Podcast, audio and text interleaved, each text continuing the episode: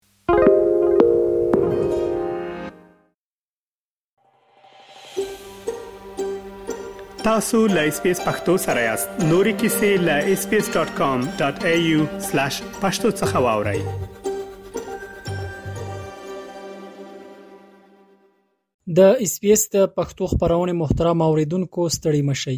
رحیم الدین وړیا خیلم له افغانستانه تاسو ته د افغانستان او سیمې د تیر یوې اونۍ مهمه پیښې وړاندې کوم هیله ده چې تر پایه مې ملتیا وکوي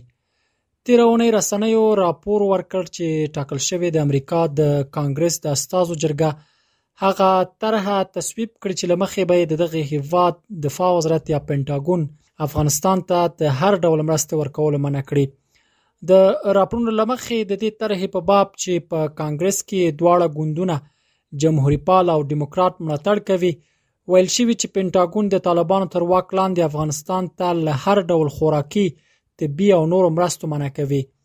خو په کانګرس کې مسلمان استازي الهان عمر د دې طرحې په اړه د اندېښنې په ښودلو سره ویلي، افغانستان د ځمکې پر مخ له یو تر ټولو وحشتناک بشري بحران سره مخامخ دی موږ باید افغانانو ته د بشري مرستو د رسولو لپاره له خپل ټول توان کار واخلو نه دا چې د هغې مرستې په پار چې کولای شو بې ځایه محدودیتونه ولګوو. ویل کېږي دا طرحه به د امریکا د راتلونکي مالي کال له بودجې سره چې 829 میلیارد ډالر ده یو ځای د استازو جرګې له لوري تصویب شي دا طرحه به وروسته سنا جرګې ته وړاندې شي او د ولسمشر جو بایډن له لوري توشیح شي ډیر کم تر اوسه داسې شوي چې ولسمشر یې ویټو یا رد کړي د یادونې ده چې د افغانستان په پکتیکا او خوست ولایتونو کې د تیر جون میاشتې له سخت زلزلې وروسته د امریکا د بهرنیو چارو وزارت افغانستان ته د 55 میلیون ډالرو بشري مرسته اعلان کړه او هغه مهال یې وویل چې دا مرسته به د امریکا د نړیوال پراختیا ادارې له لوري زلزله ځپلو ته ورسول شي.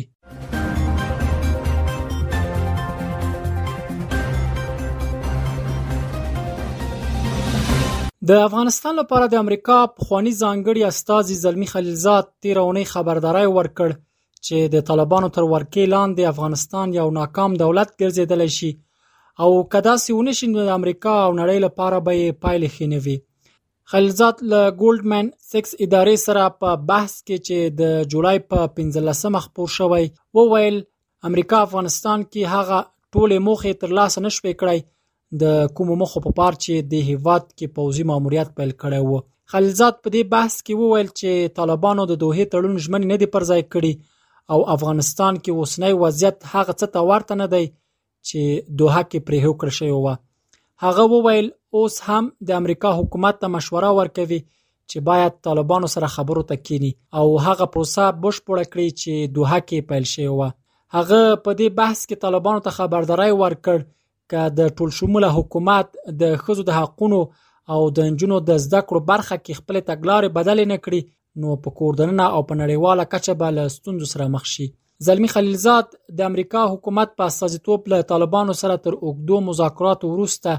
د 2020 کال په فبروري کې د دوه تړون لاسلیک کړ همدې تړون له افغانستانه د امریکا او ناتو هیوادونو د پوځیانو وتلو او زرګونو طالب بنديانو خوشی کېدو ته لار هواره کړه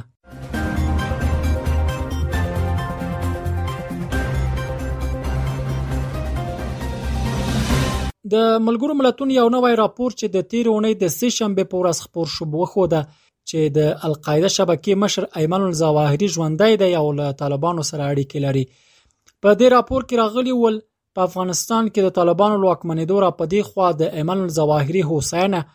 ډېره او د القاعده شبکې له نورو غړو سره یې اړیکې پیاوړې شوي راپور کې دا هم راغلي ول د القاعده غړي د افغانستان په جنوب او ختیځ ولایتونو کې پاتې دي چیرته چې دا ډله تاریخي حضور لري د ملګرو ملتونو پر راپور کې د زنو غړو هیوادونو له قوله لیکل شوی وو القاعده د خپل اصلي غړو په احتمالي توګه د افغانستان لویدیځ یانې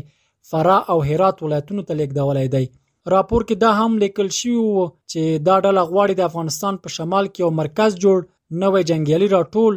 او ډېرې سرچینې پیدا کړي د ملګرو ملتونو راپور کې دا هم راغلي ول نړیوال شرایط د القاعده لپاره مناسب دي چې غواړي یو ځل بیا د نړیوال جهادي ډلې د مشرې په توګه وپیژندل شي په ورته وخت کې د ملګرو ملتونو په دې راپور کې دا هم راغلي ول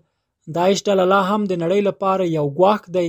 او دا ډله توانېدلې په خپل وړتیا او غیر متمرکز جوړښت سره پلان شوی او پیچلې حمله وکړي خو له دې ټولو سره سره طالبانو بیا د ملګرو ملتونو دا راپور ردوي او ویلي د دې ټولو ادعاو لپاره هیڅ دلیل او سند نشته افغانستان کې داسې مهال د القاعده ډلې د پیوړی کېدو په اړه راپورونه خبرېږي چې لوړاندې دلته داعش ډلې د شتون او غواخ په اړه هم اندېښنې شتون لري.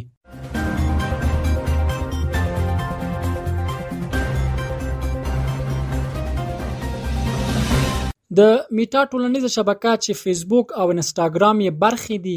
تیر اونۍ د طالبانو د حکومت د ملي رادیو تلویزیون فیسبوک او انستاګرام پاڼو حسابونه وتړل د دې شبکې مسولانو له امریکا غږ سره په خبرو کې د دې کار لامل د دغو پاڼو له لوري د دوی د تګلارې خلاف محتوا خپرول ښودلي. د میټا ټولنیز شبکې ویلي چې د یو شمېر سیمایزو او نړیوالو متخصصانو سره په دې اړه له مشورو وروسته توافق وکړ چې دا پاڼې تاوتریخوالي ته د دعوت او د مخالفانو د سر پرې کولو له بشري حقوقو څخه د سرغړونې او د ښځو او نورو په ضد د ځپونکو پالیسیو د توجیه کولو په ګډون د خطرناکې محتوا په خپرولو کې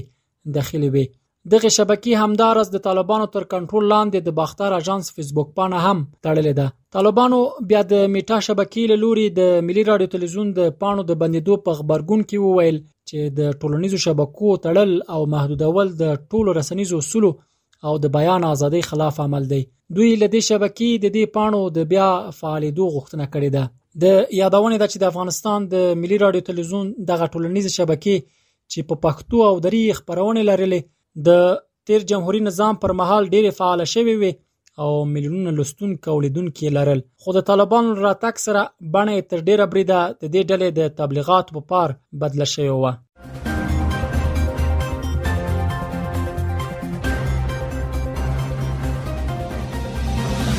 د پای موضوع هم دا چې په افغانستان کې د ملګرو ملتونو مرستندوی ادارې یا یوناما تیر اونۍ په افغانستان کې د بشري حقوقو په اړه په خپل روستي راپور کې وویل چې وسلوالو طالبانو په تیر لاسو میاشتو کې د پخوانی حکومت لک تر لګه یو سل شپېته چارواکي وژلي په دې راپور کې راغلي ول چې د 2021م کال د اگست په 18مه نیټه د طالبانو د حکومت چارواکو د پخوانی حکومت کارکونکو او افغان ملي امنیتي او دفاعي ځواکونو غړو ته د عفو اعلان وکړ خو اوس داسې ښکاري چې دا عفو په دوامدار توګه نه د عملی شوی یوناما په دې راپور کې د 2021م کال اگست میاشت راهیسې له بشري حقوقو پراخې سرغړونې مستندې کړي چې پکې پرته له محکمې وژنې